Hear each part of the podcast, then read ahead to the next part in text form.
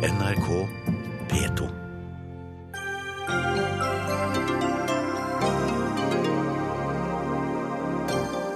Jeg har aldri opplevd maken, sier advokat Harald Stabel. Mannen som skulle renvaske spiondømte Arne Treholt, var ikke en angrende etterretningskilde, men en drapsdømt bruktbilselger. Er dette sluttstreken for Treholt-saken?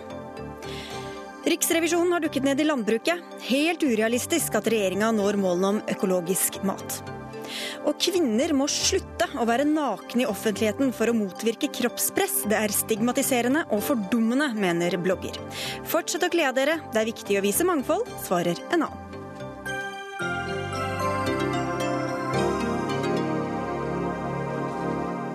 Dette er Dagsnytt 18 på NRK P2 og NRK2. Jeg heter Sigrid Solund. Atter en gang er søkelyset rettet mot spiondømte Arne Treholt og kampen hans for å få saken sin gjenopptatt. For i helga avslørte VG at eh, forfatter, journalist og privatetterforsker Geir Selvik Malte Sørensen skal ha latt en drapsdømt bruktbilselger spille agent og lure Treholt og advokat eh, Harald Stabel til å tro at han hadde viktige opplysninger om saken. I 2010 skrev Malte Sørensen boka 'Forfalskningen', som dannet viktig, en viktig del av grunnlaget for begjæringen om å få saken gjenopptatt, en begjæring som senere ble avvist av Gjenopptakelseskommisjonen. Advokat Harald Stabel, dette er jo en helt utrolig historie. Har du aldri mistenkt noen ting? Nei, jeg har ikke det. Og det er klart det kom som et sjokk på meg og på Treholt Eh, da vi fikk høre om dette, og da jeg hørte disse opptakene som eh, var gjort mellom han og den såkalte eh, kilden. Mm. Meget skuffet og trist. Og det er jo en personlig tragedie for Malte Sørensen, dette her. Og det er nokså uforståelig at han kan ha opptrådt sånn overfor oss. Mm. Eh, han har jo vært viktig for deres sak også, men i retrospekt burde det ha ringt noen bjeller? Nei, Man kan alltid lure og tenke bakover når man får en sånn opplevelse som dette her. Men eh, verken Treholt eller jeg kan se at, eh, at vi noen gang hadde mistanke om at vi ble lurt, altså ført bak lyset av han. Eh, det har vi ikke hatt, og hadde vi hatt det, så hadde det blitt en brå slutt på det. Men, men hvorfor stolte dere så mye på det han kom med, da? Nei, fordi han har gjort, og jobbet, eh, han har gjort en veldig god og grundig jobb eh, gjennom mange år. Han har jobbet med Treholtssaken fra 2005. Og når vi ser da alt han har levert, som har vært bra, ikke bare overfor oss, men overfor mange andre også, så har vi ikke hatt eh, noen mistanke om at eh, en dag så skulle man oppleve noe sånn som, eh, som, dette her. Men kan det være at du ønsket så mye å tro på det han hadde å komme med, at dere ikke vurderte det nok nøkternt og kritisk? Nei, jeg, jeg, mener, og det er jeg oppriktig på, at vi kunne ikke se noe slikt uh, i gjerdet i det hele tatt. Og som sagt, hadde vi gjort det, så hadde vi selvfølgelig lagd en bråstopp eh, på dette. Men når noe sånt som dette blir eh, avslørt, så så eh, ja, man, man, tenker bakover, men jeg kan ikke se at uh, vi kunne gjort noe annet. Treholt og jeg har fått uh, mange tips gjennom tidene han har fått flest, naturlig nok. Og vi har tatt eh, dette må ta det alvorlig. Vi kan på en måte ikke bare avvise ting i utgangspunktet. Og her kom det tips, og her kom det eh, opplysninger som forespeilte oss at her kunne det være viktig dokumentasjon vi, vi, kunne få. Men du sier at han har gjort en god jobb, og jeg nevnte denne boka som han skrev i 2010, som var en sentral del av eh, grunnlaget for eh, begjæringen om gjenopptakelse. Stoler du fortsatt på det andre han har kommet på, som ikke gjelder denne bruktbilselgeren? Dette er klart det er, et vanskelig spørsmål, og er, jeg skjønner at det nå uh, blir stilt. Jeg har full forståelse for det. Men det blir spekulasjon, og det blir spekulasjon fra alle sider og fra alle. Jeg har ikke noe grunnlag for å, å hevde at uh, han har lurt oss i andre sammenhenger. Men, men, for å spørre på en annen måte, hvor mye det hviler bare på at dere skal stole på ham, og hvor mye har dere andre kilder og annet materiale som backer opp enten det han sier, eller andre ting? Når det gjelder boka så, og denne kilden, så har det vært uh, helt PST-kilden? Altså den såkalte mm. PST-kilden. Helt underordnet for den gjenopptakelsesbegjæringen eh, jeg sendte. Det viktige her var jo ting som sto på egne bein. Det var dokumentasjon når det gjelder koffert, tapebit, og vi hadde undersøkelser med sakkyndige i England. Alt dette her har, kan, kan Malte Sørensen ikke eh, Eh, lastes altså for å de, Der var det opplysninger, og der fikk vi dokumentasjon som vi trengte og som vi brukte. Eh, denne såkalte kilden, eller den, det vi ble fortalt var en PST-kilde, det har vi heller ikke noe grunnlag i dag for å, å si at eh, nei, det er også feil. Så du stoler fortsatt på en del av det han kom med, selv der hvor dere ikke kan bekrefte det gjennom andre? Ja, jeg, jeg, som sagt, jeg må uh, si at uh, vi har ikke noe grunnlag for å, å hevde at uh, Eller bebreide han for at de opplysningene han her er kommet med, er uriktige. Det kan vise seg at det er, at det er feil her også, men per i dag mm så kan vi ikke gå ut. Det blir ren spekulasjon. Stem Jentegård, du er eh, redaktør her i NRK Nyheter, og du dekket denne rettssaken mot Treholt i 1985 og kjenner saken godt. Ehm, hva gjør dette med Treholt-saken, sånn som du ser det? Det gjør i hvert fall den oppgaven Harald Stabel og Arne Treholt har med å få denne saken gjenopptatt eh, til en utrolig bratt motbakke. Eh, jeg ser ingenting i det som er kjent til nå, som, som, kan bygges videre på. Det må komme noe helt nytt. Mm. Og etter hvert så begynner jo si, folk å dø. Og eh, det finnes ikke så mange førstehåndskilder igjen, rett og slett, eh, fra denne saken. Pengebeviset har jo stått helt sentralt i forhold til det, og, og de to som skal ha Eh, stått bak eh, pengebeviset, eh, og som ble lagt fram i retten den gangen, står jo veldig fast. Så førstehåndskunnskap er det veldig lite å hente på, tror jeg. For alle som ikke husker detaljene, hva er det pengebeviset går ut på? Hvorfor, hvorfor mener han at han er uskyldig dømt, at det ikke gjelder? Det sentrale med pengebeviset var at det skulle, og retten fant at det beviste, var en del av bevismaterialet for at Arne Trialt mottok penger for det han hadde gjort i forhold til russerne. Selv så mente han jo at han var en brobygger mellom øst og vest i en meget kald krig. Mm. Og at eh, det han gjorde egentlig var bra for jeg håper å si, menneskeheten og verdensfreden. Men pengebeviset var med på å bevise for retten at han også hadde mottatt penger. Det var 25 000 dollar den gangen eh, som skulle ha vært i den kofferten. Så har det vært reist masse tvil rundt det, både i, eh, ved Arne Haugestad i Høyesteretts bevisopptak og etterpå i diverse bøker, bl.a. Malte Sørensens bok. Og en av hans hovedkilder er da avslørt uh, som, uh, som løgn i denne boken, altså forfalskningen. PST det er ikke avslørt at denne kilden er løgn, men det er avslørt at Malte Sørensen ikke er til å stole på.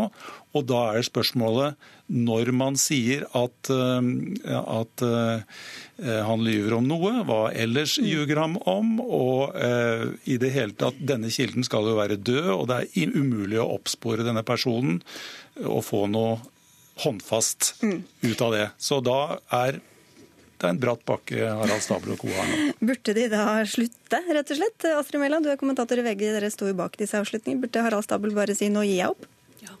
Hvorfor det? Eh, jeg tror ikke det er noen sak som er blitt eh, bedre belyst i den norske rettsstaten. Altså, det var vel fire ganger i eh, gjenopptakelseskommisjonens lys grundige utredninger her. Det er snakk om detaljer som har vært undersøkt. Parkettsnekkere fra 30 år tilbake, sine almanakker er undersøkt. Så det har ikke Det viste jo sist at det pengebeviset som var liksom siste håpet, som kilden til Malte Sørensen sa var fingert, altså juksa med, viser jo det nå igjen at det, det stemte jo ikke. Stabel, har dere noe igjen, da? Nei, Det er jo riktig som Bjøntegård sier, og alle kan jo se det at vi har en uh, bratt bakke. Og vi har en utfordring dersom det skal kunne komme en ny begjæring. Men man vet ikke, som nevnt. Eh, vi får mange tips. Og vi har fått eh, gode og, dårlige tips.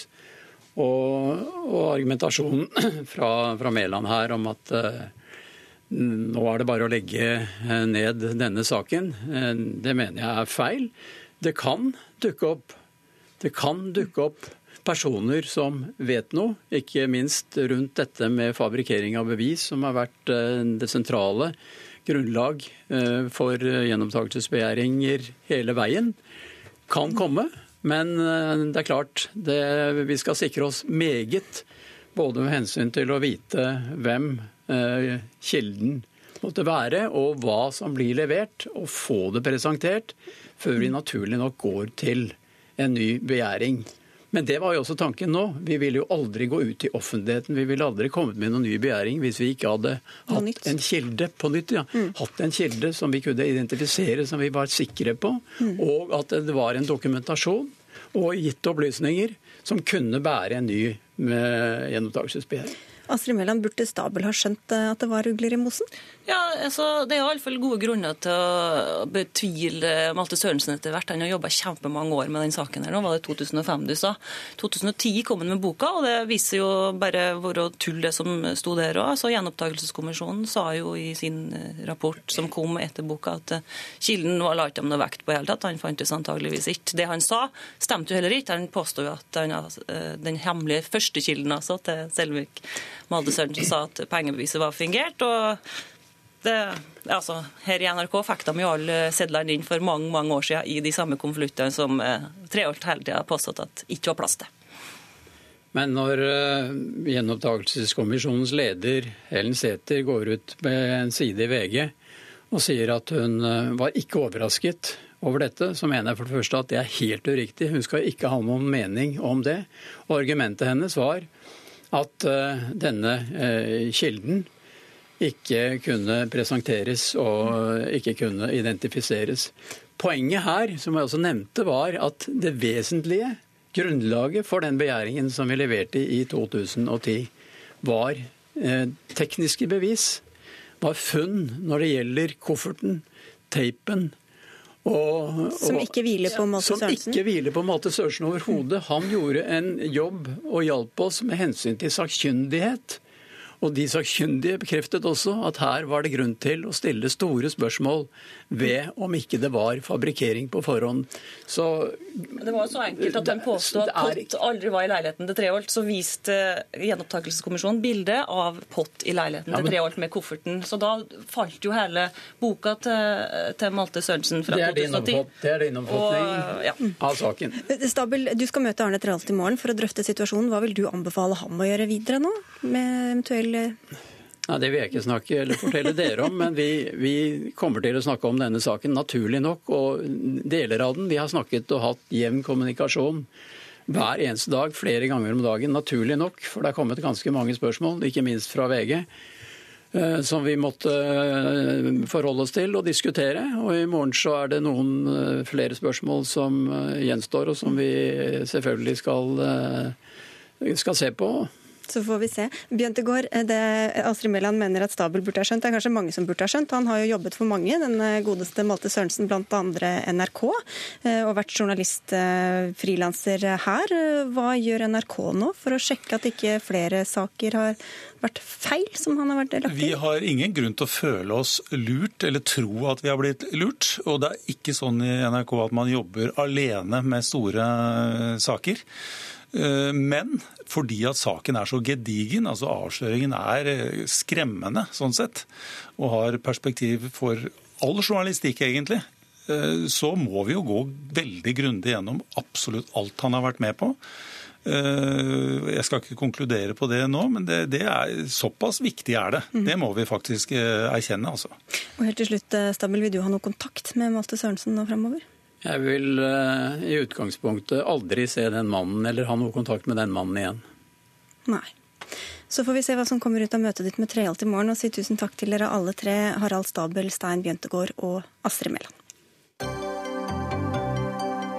Dagsnytt 18 alle hverdager kl 18.00 på NRK P2 og NRK2.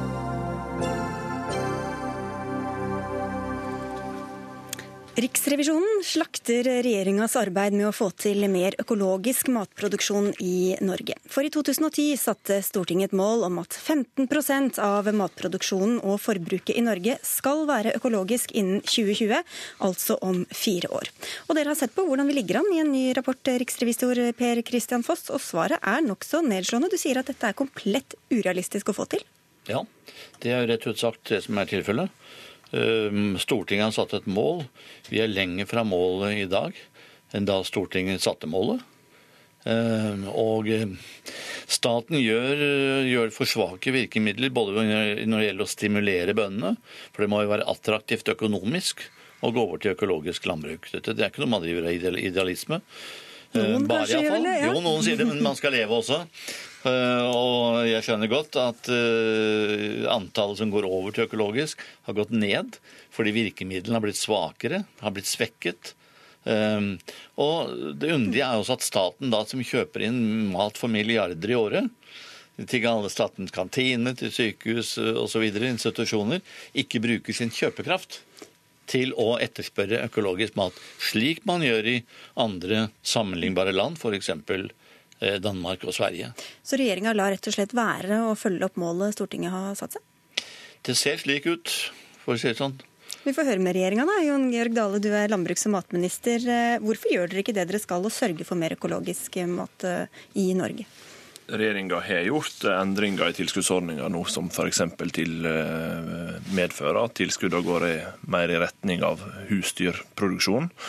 I økologisk produksjon så gjør det at til, mer, til flere dyr der er besetninger, eller liksom flere besetninger der er med mange dyr, eh, til høyere blir tilskuddene til økologisk produksjon. Og Det er jo ett insentiv for å stimulere til at det skal bli flere dyr som er drevne økologisk. Jeg har så sent som forrige uke også sendt på høring eh, nye forslag for å f.eks. stimulere til økt kalkunproduksjon i økologisk. Så det er eh, små grep som vi nå gjør, men jeg eh, er helt enig i Riksrevisjonens beskrivelse at der vi er nå, så er det vanskelig å se for oss at vi når i mål med den forventninga om 15 som Stortinget satt. Og det har gått ned under deres regjeringsperiode, annet. Nå er jo Riksrevisjonens rapport går fram til 2014. I 2015 så går antall eh, økologisk eh, areal i drift opp med 7% så her er positive element å trekke på. Og vi har en 30 økning i salg av økologisk mat i 2014, så her er positive ting som også skjer. Men jeg erkjenner at det som Riksrevisjonen beskriver i dag, om at det er krevende å nå målet innen 2020, er høyst reelt. Og jeg skal lage en landbruksmelding som jeg skal legge fram til høsten. Og Der blir også dette tema på hvordan en kan bidra til å stimulere ytterligere for å nå det målet som Stortinget satt.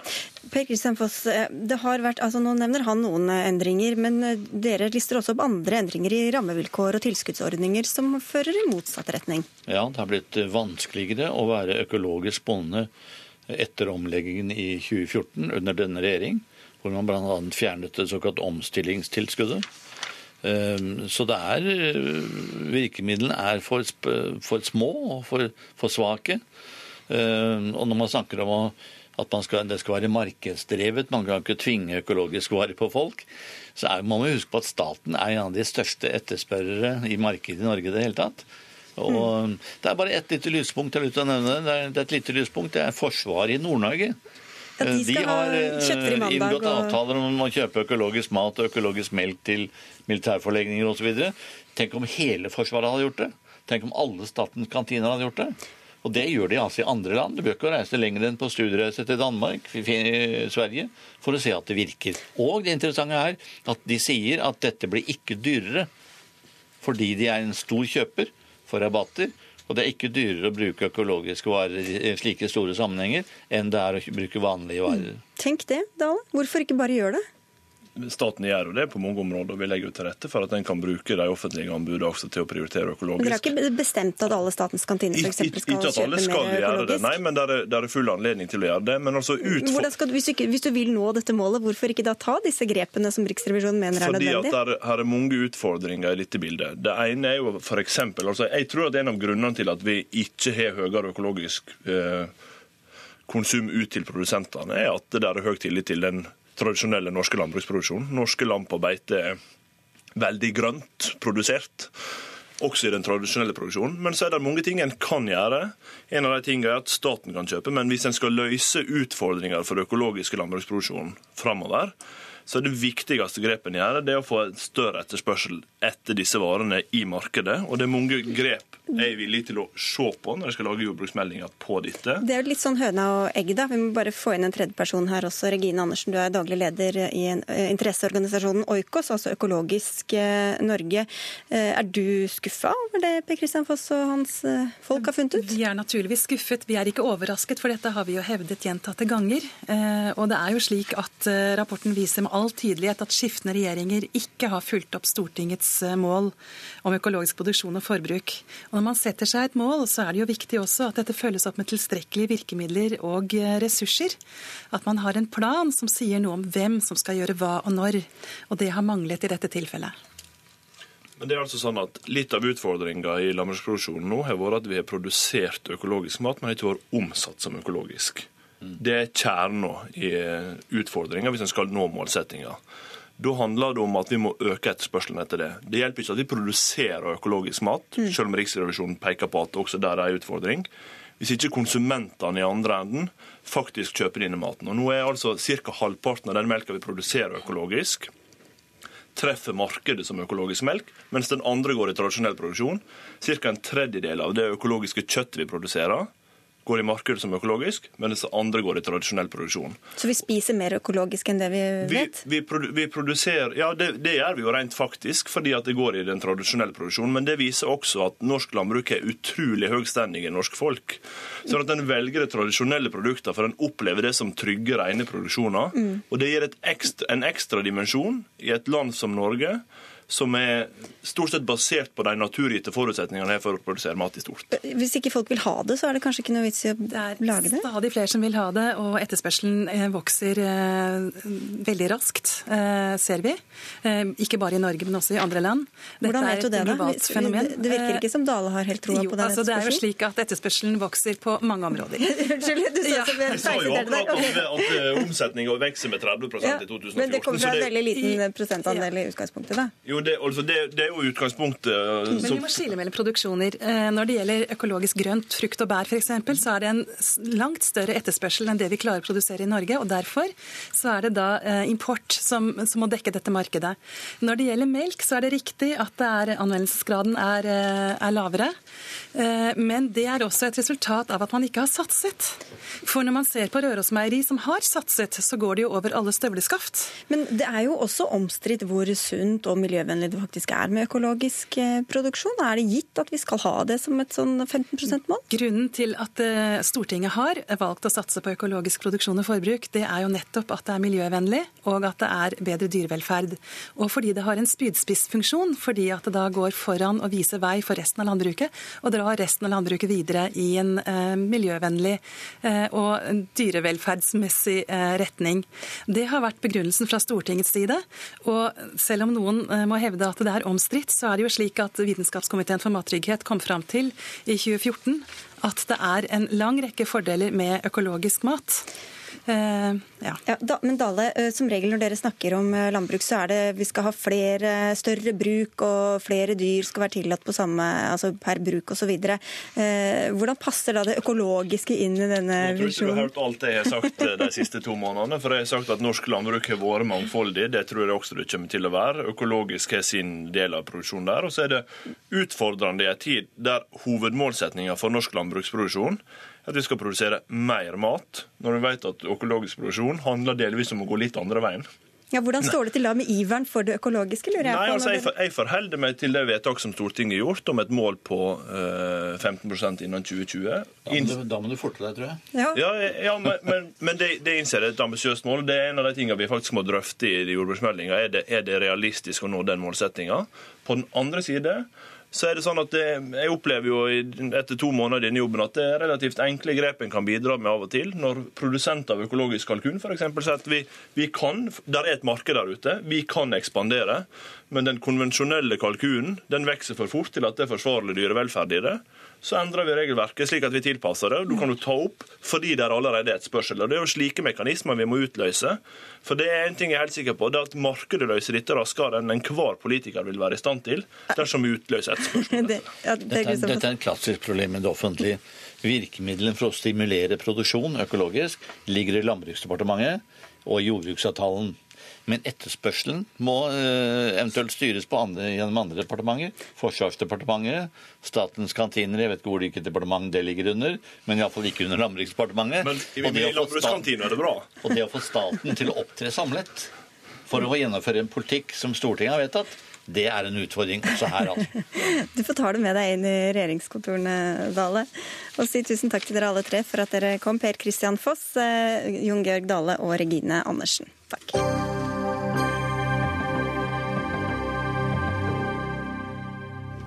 Dagens ordning for mekling ved samlivsbrudd er eh, unødvendig for eh, veldig mange foreldre og kostbart for samfunnet. Det konkluderer en ny doktorgradsavhandling. I dag må alle som har barn under 16 år delta i én obligatorisk mekling ved samlivsbrudd. Meklinga er pålagt både med hjemmel i ekteskapsloven og i barneloven, og har som mål å bl.a. bidra til å fordele foreldreansvar, finne ut hvor barna skal bo og hvor mye samværsrett hver forelder skal ha. Og forsker ved Psykologisk institutt ved Universitetet i Oslo, Wenche Gulbrandsen, det er du som har skrevet denne doktorgraden og fulgt eh, meklingssamtaler med 154 foreldrepar. Hva har du funnet ut om hvor god og treffsikker dagens ordning er? Altså, de som er i stor konflikt, får for dårlig hjelp. Og så er det en stor gruppe som kommer til mekling, som eh, kommer med en ferdig avtale og som ikke trenger denne hjelpen på samme måte. Mm. Jeg tenker at vi, familievernet må tilføres ressurser for å greie denne oppgaven. For det er en kjempestor oppgave. Det er veldig mange som skiller seg. Det vet vi jo. Og de trenger penger for å mestre denne oppgaven. Det blir for dårlig sånn som det er. Og I dag brukes da ganske mye av pengene til å gi denne ene obligatoriske timen til alle, også de foreldreparene som har en såkalt lykkelig skilsmisse, eller i hvert fall snakker godt sammen. Eh, virker det som om de har noen nytte av og utbytte av denne ene timen? Eh, det har jeg ikke undersøkt nøye, og hvor, hvor, mye de trenger. Men jeg tenker jo at det bør være et tilbud uh, fortsatt, som er et frivillig valgt tilbud, som ikke koster noe. Hvor du kan oppsøke hjelp hvis du er noe du lurer på, eller det finnes en liten uenighet, eller uten at det er de der store konfliktene. Men at det, at det må fortsatt være det, en frivillig hvor de kan velge. Men å, å ha alle sammen gjennom dette systemet, det ser unødvendig ut. Mm. Den ressursene som brukes i familievernet, bør omfordeles, sånn at det kan være flere av de som er i store konflikter, som kan få mer hjelp. Mari Tromma, du er eh, leder av Barne-, ungdoms- og familiedirektoratet. Hvorfor skal par som snakker godt sammen, måtte gå til denne timen og bruke tid og ressurser på det? Vi har jo i dag eh, omtrent 20 000 meklinger i Norge. Det er store tall vi snakker om her. Og det vi har fått mye kunnskap om i det siste, er jo nettopp hvor viktige foreldre er for barna sine. Og på den annen siden hvor skadelig det faktisk er for barn når foreldre har åpne konflikter. Og det er ikke alltid sånn når man går fra hverandre at man selv er helt klar over hvilke utfordringer man står overfor.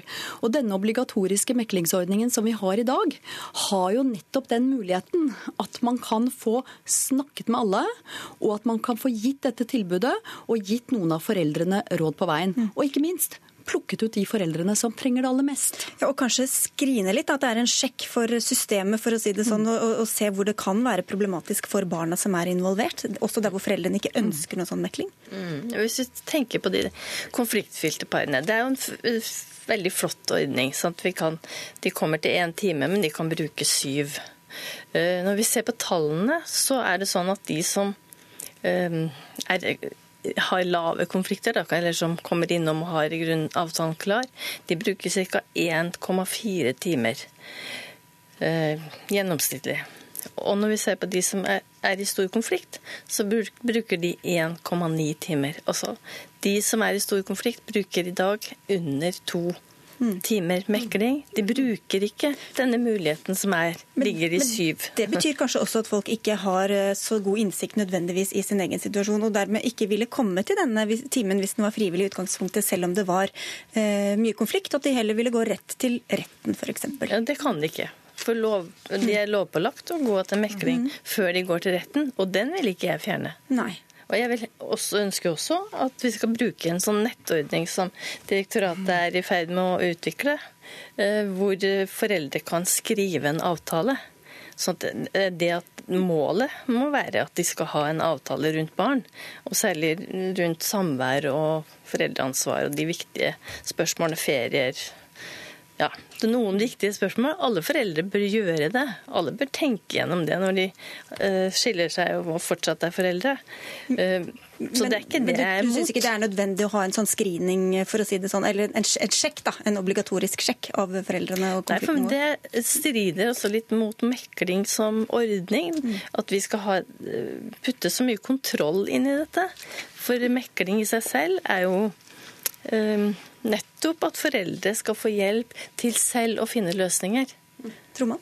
Ja, Vi vet jo også at omtrent 60% av disse som, som du sier eh, har lite konflikter i utgangspunktet, er jo faktisk fornøyd ved å være innom eh, denne ordningen. Og Grunnen til det er jo nettopp at de har en del spørsmål, og de får også en del råd på veien. Det er ikke alltid helt innlysende hvilke problemstillinger man er inne i. De fleste går gjennom en veldig krevende periode i sitt liv, og da er det erfarne meklinger som kan gi råd. Men jeg er helt enig med deg i at vi bør kanalisere flere av ressursene til de som har høyest konflikter. Og Der jobber vi, sånn som du sier nå, med en mer digital ordning som nettopp gjør at flere kan bli selvhjulpne, for å si det sånn, på nett, og få mer informasjon på nett om dette. Men så lenge det fortsatt er en obligatorisk time man må gå, så er det jo faktisk ganske mye tid og penger som går med til disse parene som strengt tatt kanskje kunne fått hjelp på nettet, eller Men samtidig så er det noe med å kunne ha en prat og også kunne se hvilke av disse familiene som trenger noe mer enn bare den obligatoriske timen. Og nettopp det tenker vi er viktig her. Den kontroll, til kontrollen som eh, tilbudet her av hensyn til barna. Ja. Jeg er absolutt opptatt av barna, men jeg tenker også det er noe Du sier disse 20 000. Ja, det er en strøm med saker. Og eh, hvor meklingsordningen tidligere har vist gode resultater, så er det noe å stå imot dette. Ikke minst for meklere. De greier ikke å gi et godt nok tilbud til de som Nei, for Hvis de vet at det det banker 20 000 par på døra, så er det kanskje vanskelig å liksom prioritere noen da, som skal si at du trenger, dere må faktisk komme tilbake ikke én eller to ganger, men kanskje fem eller seks Og vi ganger. vet at tid er veldig viktig i en krisesituasjon når du skal gjøre noe med konflikter. Ha, få dialogen til å fortsette. Og hjelpe foreldre til å snakke sammen. Men og, da er det nettopp også- viktig å få disse foreldrene mulighet- inn, sånn at du kan snakke med dem og motivere de riktige foreldrene. Og det er ikke nødvendigvis at folk selv tenker på at jeg har behov for Nei. å gå her en ekstra gang. Og det, den muligheten, den får nettopp familievernet. Og vi ser jo nå at man har en frist på tre uker til å komme til mekling, og det får de aller fleste får en time i løpet av tre timer. Så Ja, her men så har er man et det time nummer system. to som er mye ver verre å få inn. Og jeg vil jo tro at dere skulle ønske dere sikkert eh, mer ressurser og flere behandlere og alt mulig, og- men du syns fortsatt det er verdt det eh, å bruke på alle de Jeg synes det er verdt det, og her har jo også regjeringen økt kapasiteten i familievernet siste året. Det syns vi er veldig bra, og vi tror at nettopp dette viktige tilbudet, dette er foreldre opptatt av. De har mange spørsmål knyttet til det. Foreldre vil jo flest at de skal kunne hjelpe barna sine også gjennom denne vanskelige Nå perioden. kan jeg få si en ting på slutten, da. Ja, veldig. Mhm. Og det er at faktisk 50% av de som er i konflikt, oppsøker andre hjelpetilbud etter mekling. Ja. Så det er mye belastninger også for resten av hjelpeapparatet. Vi får la den henge litt sånn i lufta og si tusen takk til dere begge, Wenche Gulbrandsen fra Psykologisk institutt ved Universitetet i Oslo og Mari Tromholt fra Barne-, ungdoms- og familiedirektoratet.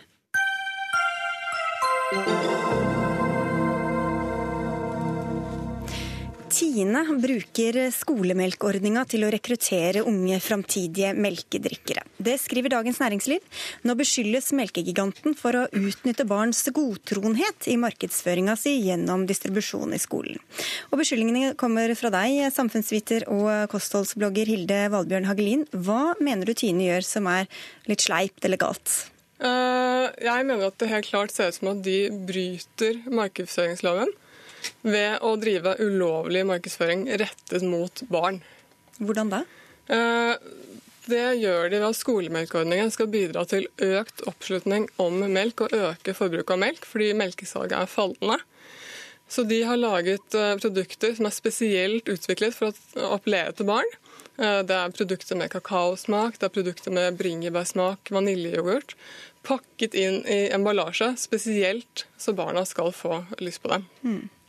Lars Galtung, du, vi kan komme tilbake til deg. Altså, eh, kommunikasjonssjef i eh, Tine, driver dere markedsføring rettet direkte mot barn?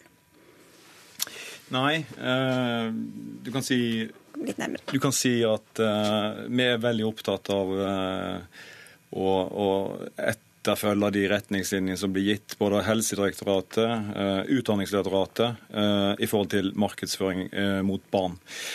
Og når det gjelder den klagen som er kommet nå, så påpekte jo Hagelin i, eh, i, i klagen til Forbrukerombudet at uh, Forbrukerombudet hadde et spesielt ansvar for å sørge for at uh, dette ikke skjedde. Men den har vel aldri blitt så raskt behandla og kontantavvist som i, den ble i går. Den ble avvist av Forbrukerombudet, så, så det er vi veldig uenig i. Og så er det disse andre påstandene som Hagelin kommer med. med har eh, fem ulike eh, lettmelkprodukter inn i skolen. Eh, de er uten tilsatt sukker, unntatt N, som er tilsatt 0,5% sukker. Og det er med kakaosmak. Og det er ikke den kakaotypen som du finner i butikk. Men det er fortsatt rettet mot barn. Du vil jo at barn skal synes det er godt, og at de syns appellerende, appellerende innpakning osv. Ja, nå er det jo sånn at eh, Barn blir jo vant til en type søt smak i, allerede fra tidlig eh, ammealder. Eh, melka er jo søt. Eh, derfor foretrekker de også søt frukt og, og, og søt melk. Eh, og Det er jo også fordi at de skal eh, få det i seg. Og Jeg må jo ikke glemme her at melka som sådan inneholder mange viktige næringsstoffer.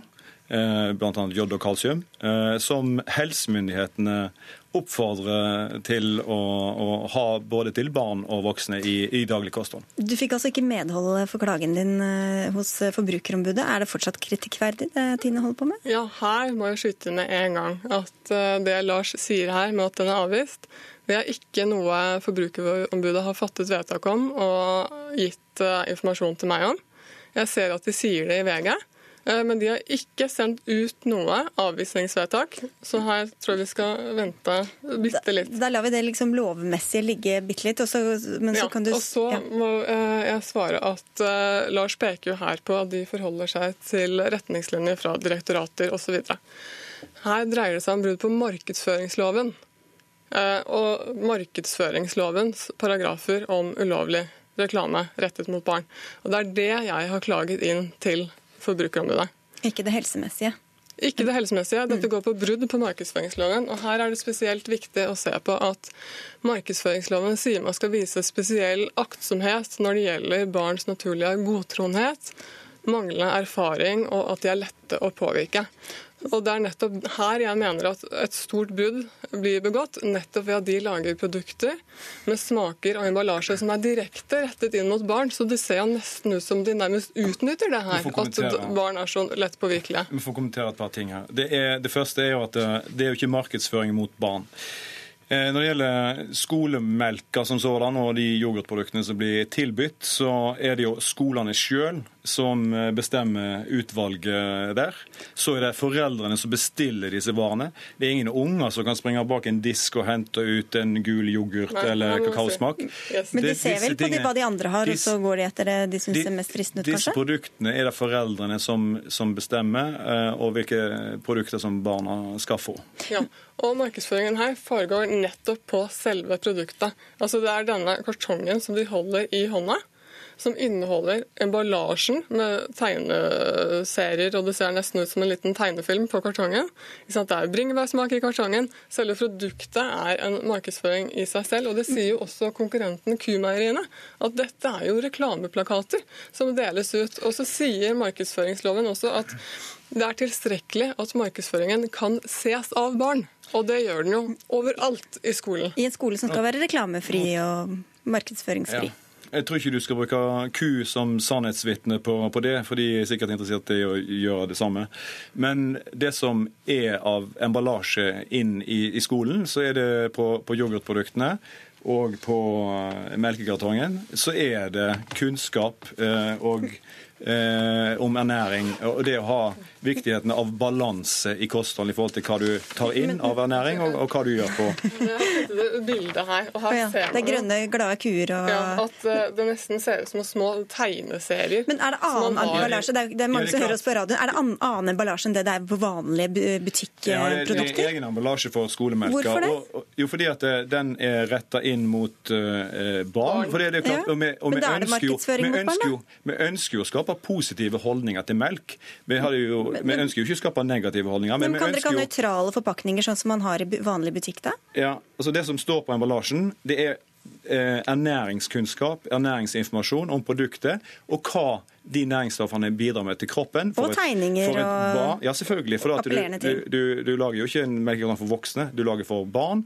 Og du ønsker å bidra med kunnskap og informasjon rundt det ernæringsmessige i melka.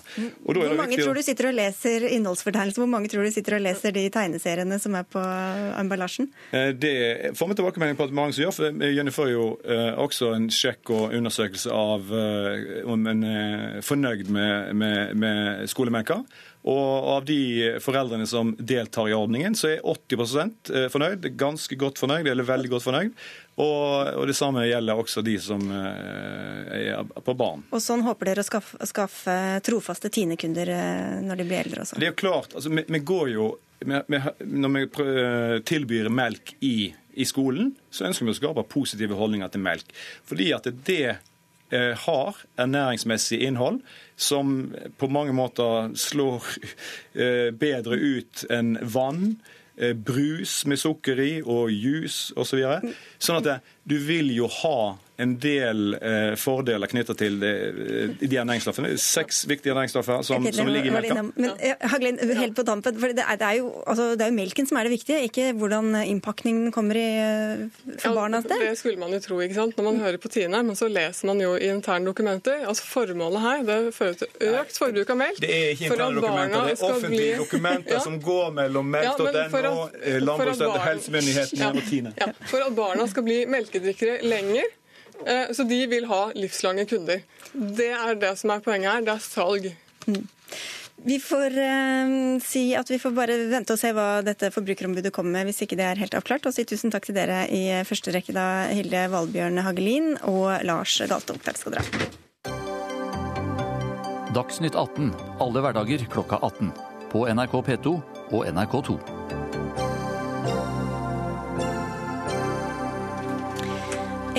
79 år gammel lege ønsket å hjelpe til med å undersøke flyktninger for tuberkulose. Da han søkte om tillatelse, fikk han mye mer enn han hadde bedt om, nemlig full autorisasjon. Dermed kunne han ha startet praksis, enda det var gått tolv år siden han gikk av med pensjon, og ingen hadde sjekket hvor egnet han var til å jobbe som lege nå. Uforsvarlig regelverk, mener legen, som fortalte historien sin i Klassekampen i dag. Han takket nei til å være med her, men dette nye regelverket har du vært med på å vedta, helsepolitisk statsperson i Venstre, Kjetil Kjenseth. Er det uforsvarlig? Jeg syns ikke det er uforsvarlig. Eh, Det er sånn at det, leger besitter mye kompetanse. Det er også annet helsepersonell, som vi har stort behov eh, for. Vi har en aldrende befolkning, eh, og heldigvis en, eh, har vi mange å ta av som har jobba lenge i helsevesenet. Og de kan utføre en veldig viktig jobb. Og dere økte grensa fra 75 til 80 år, at først når man er 80 så må man søke om å få ny, fornyet lisens. Ja. Og det er jo mye eldre enn det de fleste av oss kan regne med regne med å bli ønsket velkommen på arbeidsplassen, som er kanskje 67 eller 70 år. Men det her handler jo ikke om når du går av med pensjon, men eh, når autorisasjonen din blir trukket tilbake. Og inni dette her så ligger det jo en vurdering hos den enkelte om den vil utføre en arbeidsoppgaver, en selvjustis. Men så er det også en tilsynsmyndighet som skal føre kontroll med helsepersonell.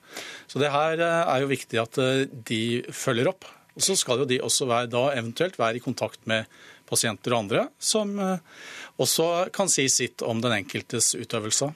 Ola Bollestad, du er helsepolitisk talsperson i eh, KrF og har bakgrunn som intensivsykepleier. og Dere stemte mot dette, denne økninga. Hvorfor det? Eh, vi er for at folk skal jobbe så lenge de kan, men vi ville at en skulle miste autorisasjonen var 75 år, men hun kunne jobbe lenger med at hun kunne søke for hvert år og få utvida. Det var nettopp for å sikre til hver tid at den som skulle inneha autorisasjonen, faktisk hadde både ferdigheter, kunnskap og kompetanse til å utføre det som er legeyrket og andre helsepersonell sitt ansvarsområde. Og for KrF sin del så handler det om å eh, være lege eller helsepersonell. Det handler òg om en annen person eller en en annen person sin, sin, helse du faktisk skal vurdere. og Da er dette med kompetanse, dette med ferdigheter viktig. og Det ville vi faktisk skulle revurderes hvert år, nettopp fordi vi er så avhengige av, som pasienter, å hele veien vite at den vi går til, den er oppdatert, kan det som skal, og har god vurderingsevne. Og det har mange, men da kan vi òg prøve det, at de har det. Ja, hvorfor skal hensynet til legen veie tyngre enn hensynet til pasientene? Det her er ikke hensynet til legen som er viktigst, det er hensynet til pasientene. Men hvis de, er dyktige, eller hvis de er friske nok, for å si det sånn, så får de jo den autorisasjonen. De må bare få den fra noen. Det får de, men eh, det er jo mye et papirbyråkrati i dag, så hvilken kontrollmekanisme er det faktisk? Så den, den tilsynet som skjer ute i praksis, er jo mye viktigere at er der, enn at eh, noen sitter og sjekker av på et papir. Men er det helt tilfeldig tilsyn, da? Eller altså, hvordan sikrer man seg at man får god nok oversikt over alle de eldre legene? Ja, Nå er dette her veldig få det gjelder, faktisk. Av 4600 fastleger vi har i Norge, så er det kanskje et hundretall som, som søker, søkte da når grensa var 75 år, om å få fortsatt autorisasjon. Ehm, fra min tid som pårørende i helsesektoren så har jeg opplevd eh, mange feil, store feil. Eh, og som jeg har, som har oppdaga sjøl som pårørende. Eh, og det skjer mange feil i dag. Så sjansen for at de få her skal gjøre feil, den er så liten at muligheten for gevinst er mye større ved å la de her uh, få, beholde autorisasjonen sin. Men, men, det handler jo òg for meg og for KrF sin del om at det, når en har hatt et langt yrkesliv, så er jeg helt enig i mange av disse der Jeg tenker tilbake igjen på min tid på sykehus, de har jo et enormt klinisk blikk. Men det er òg dette med at de faktisk kan gå av når de, har, eller, når de, får et stopp, så kan de gjøre det med god samvittighet. Sant? Ikke de skal strekke seg lenger enn det som de faktisk føler de har både kompetanse og tillit til. Og det handler jo hvor mange, om flere Hvor mange liksom 75 eller 76 eller 77-åringer tror du liksom føler press for å fortsette i arbeidslivet? Nei, men Det er jo ikke presset som sådan i arbeidslivet, men det, det er en egen press òg fordi at du innehar mye kompetanse. Mange av disse har jo sagt at deres verdighet nesten går til at de ønsker autorisasjonen og beholde den, fordi at autorisasjon har før blitt betegnet med at hvis de tar fra han det, så er det pga. noe kriminelt eller noe som de har gjort galt. Men her er autorisasjonen en sikkerhet for at du innehar den kompetansen som vi trenger til hver tid. Og så er det ikke sånn at alder er uvesentlig. For vi vet at jo eldre du blir, jo vanskeligere kan det være for noen, ikke alle, men til faktisk å få med deg det som er det siste nye, det som er det som er viktig for pasientene akkurat nå. Og Derfor så mener jeg at en kunne ha vurdert dette ett år om gangen etter du er 75 år. Det har vi en tillit til at eh, de her greier sjøl. De har jobba et langt liv i helsesektoren og har med seg masse erfaring. Så syns jeg at det her er eh, bra, fordi at vi utfordrer hele arbeidslivet. I en veldig aldrende befolkning så er vi nødt til å tenke hvordan vi skal utnytte ressursene for å få det her til å gå i hop. Vi har en uh, stor økning i demens, og vi trenger mange til å veilede.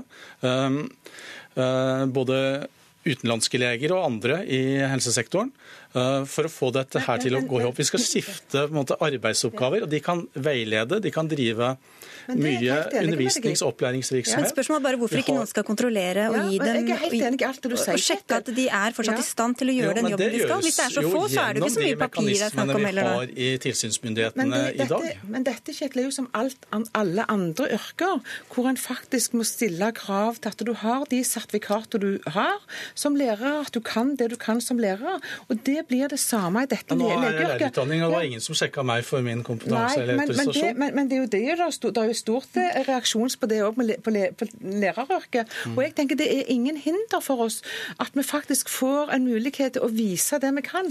Og så er jeg enig at de kan brukes som veiledere, kan brukes sin kompetanse overalt. Men for sin egen del og for samfunnets del så tror jeg at dette er best for alle parter. Det er jo også sånn at eh, etter 75 år så skal du vurdere om du kan få fornyet eh, sertifikat, så vi kan få Ja, en lege grensa, som, eh, det som kan jobbe som lege, eh, operere eller hva vet jeg hva de driver med, og så ikke kjøre hjem etterpå, da. Det kan kanskje skje, men nå heva jo nylig Stortinget også den grensa fra 70 til 75 år. Så det er jo et uttrykk for at vi lever lengre. Men vi- hvorfor er det greit å liksom kunne kjøre uten å få en sjekk, men å kunne være ansvarlig for noens liv og helse er ikke noe man få en trenger? sjekk. Det er jo krav til helseattest eh, Ja, som blir stilt. men hvorfor skal det være strengere for å kjøre bil enn å være ansvarlig for noens liv og helse? Ja, men det her er en autorisasjon, og de helsepersonellet velger jo sjøl om de utøver den. Eh, Og vi ser altså at det er et fåtall som ønsker å benytte seg av den autorisasjonen utover de aldersgrensene. Og de som søker, antar vi da er i, har en vurderingsevne for det. Og det har ikke vært så mange skandaler, har det det, siden det ble endra for en stund siden? Nei, men poenget er jo ikke det. Poenget er jo faktisk å forebygge, og at folk eh, som da faktisk er, nei, ikke har den vurderingsevnen, faktisk får noen som stopper det. De som Altså, har har vurderingsevnen jeg syns vi har mye større utfordringer i helsevesenet Jo, med de som men- er unge og begår feil, enn Ja, de, de som er men de eldre. òg er jo jeg helt enig i, men nå snakker vi om de over 75 år. Og jeg kan ikke begripe at Ja, vi ikke kan, kan faktisk, at vi ikke faktisk kan gi et krav til de hvert år for pasientene sin del og for de som driver praksis. Takk skal dere ha, i hvert fall begge to, Kjetil Kjenseth fra Venstre og Olaug Bollestad fra Kristelig Folkeparti, for at dere kom til Dagsnytt 18 i dag.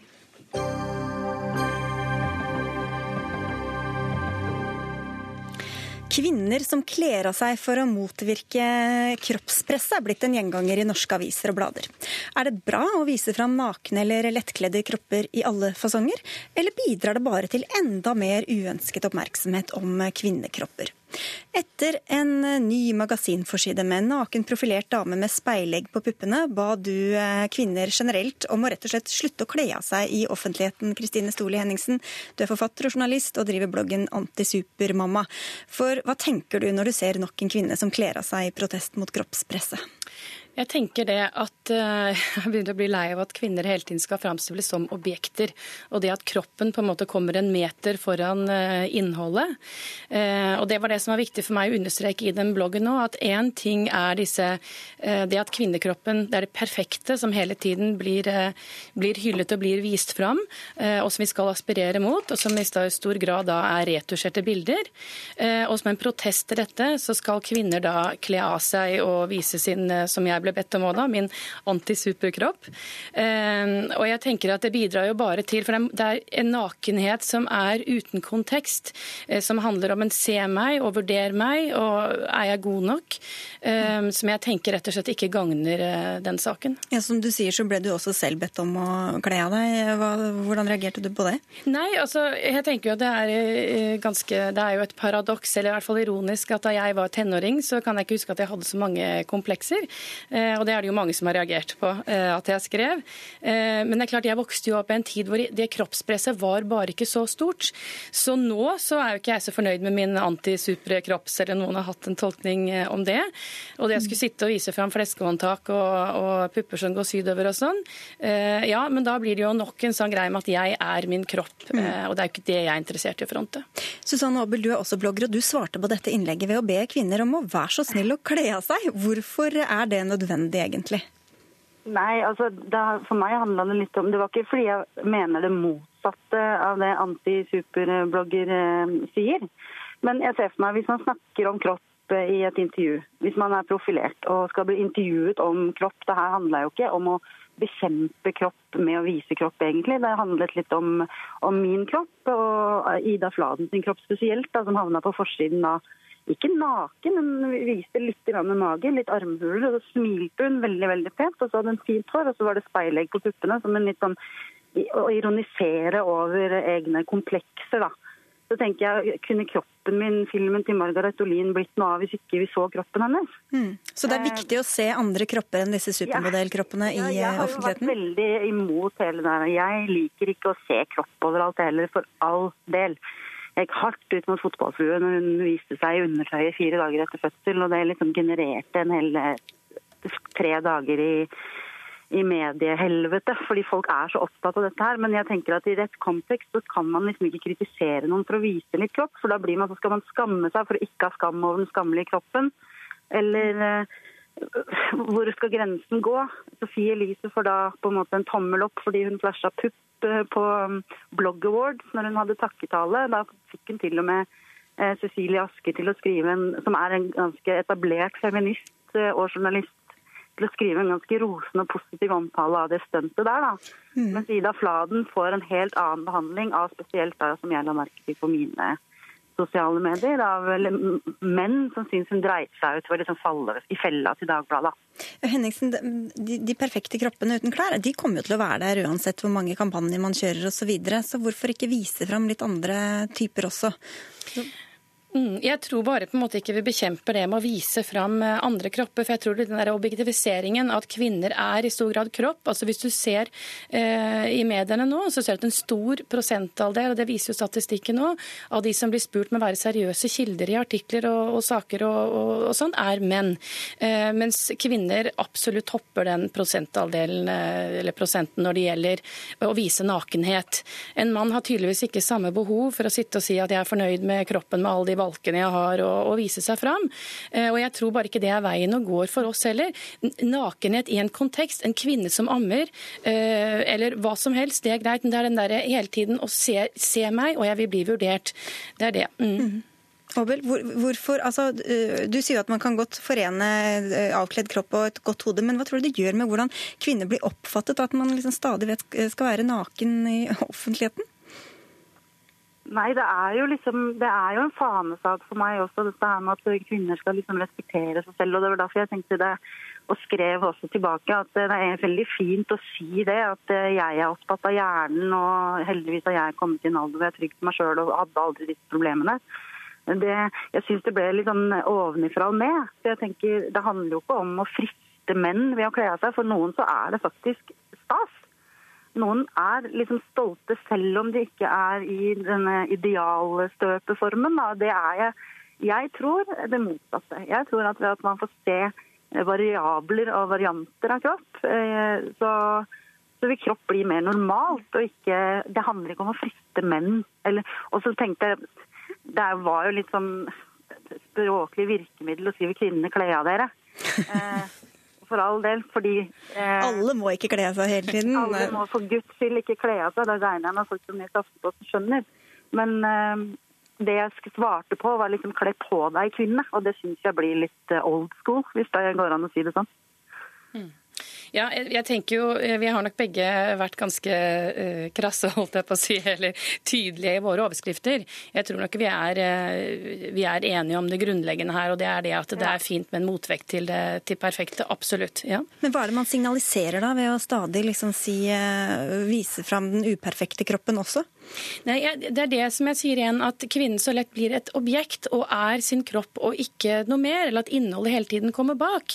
Og jeg, Det er derfor jeg sier at jeg, eh, det, er jo ikke, det er ikke at jeg ikke skammer meg over kroppen, at jeg ikke kan fronte det, men det er ikke noe poeng. Og i hvert fall når jeg bare skal sitte på et bilde som jeg ble bedt om å peke på mine komplekser, eh, ikke sant? framfor at jeg kunne sitte med et ammende barn eller eh, snakke om at jeg spiser økologisk mat eller hva som helst. Da, da fikk jeg gjøre et eller annet som var i kontekst med den nakenheten, framfor at det blir nok en sånn eh, her er jeg, vurder hva du syns om kroppen min.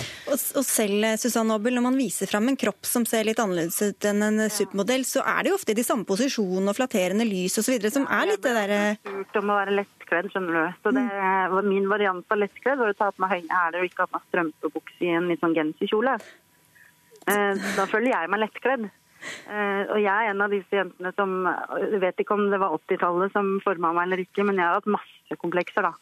Eh, Og det Og da hjelper det å vise seg lettkledd inn i offentligheten? Jeg Nei, da, jeg, i hvert fall et eller annet med å, å, å bare ta den kroppen jeg har, og så Hvis jeg viser at eh, dette er mitt, dette er greit, så føles det bra for meg. Det er ikke meninga å presse noen ut i sånn kle av deg på bloggen din. Vi får- det, ikke gjør det. Nei, vi får eh, la det være opp til hver og en, da. Det får bli konklusjonen her. Tusen takk til dere begge to, Susanne Aabel og Kristine Storli Henningsen. For vi må takke for oss i Dagsnytt 18. Det var Ida Tune Øritsland som hadde ansvaret for sendinga. Marianne Myrhol hadde det tekniske ansvaret, og jeg heter Sigrid Solund.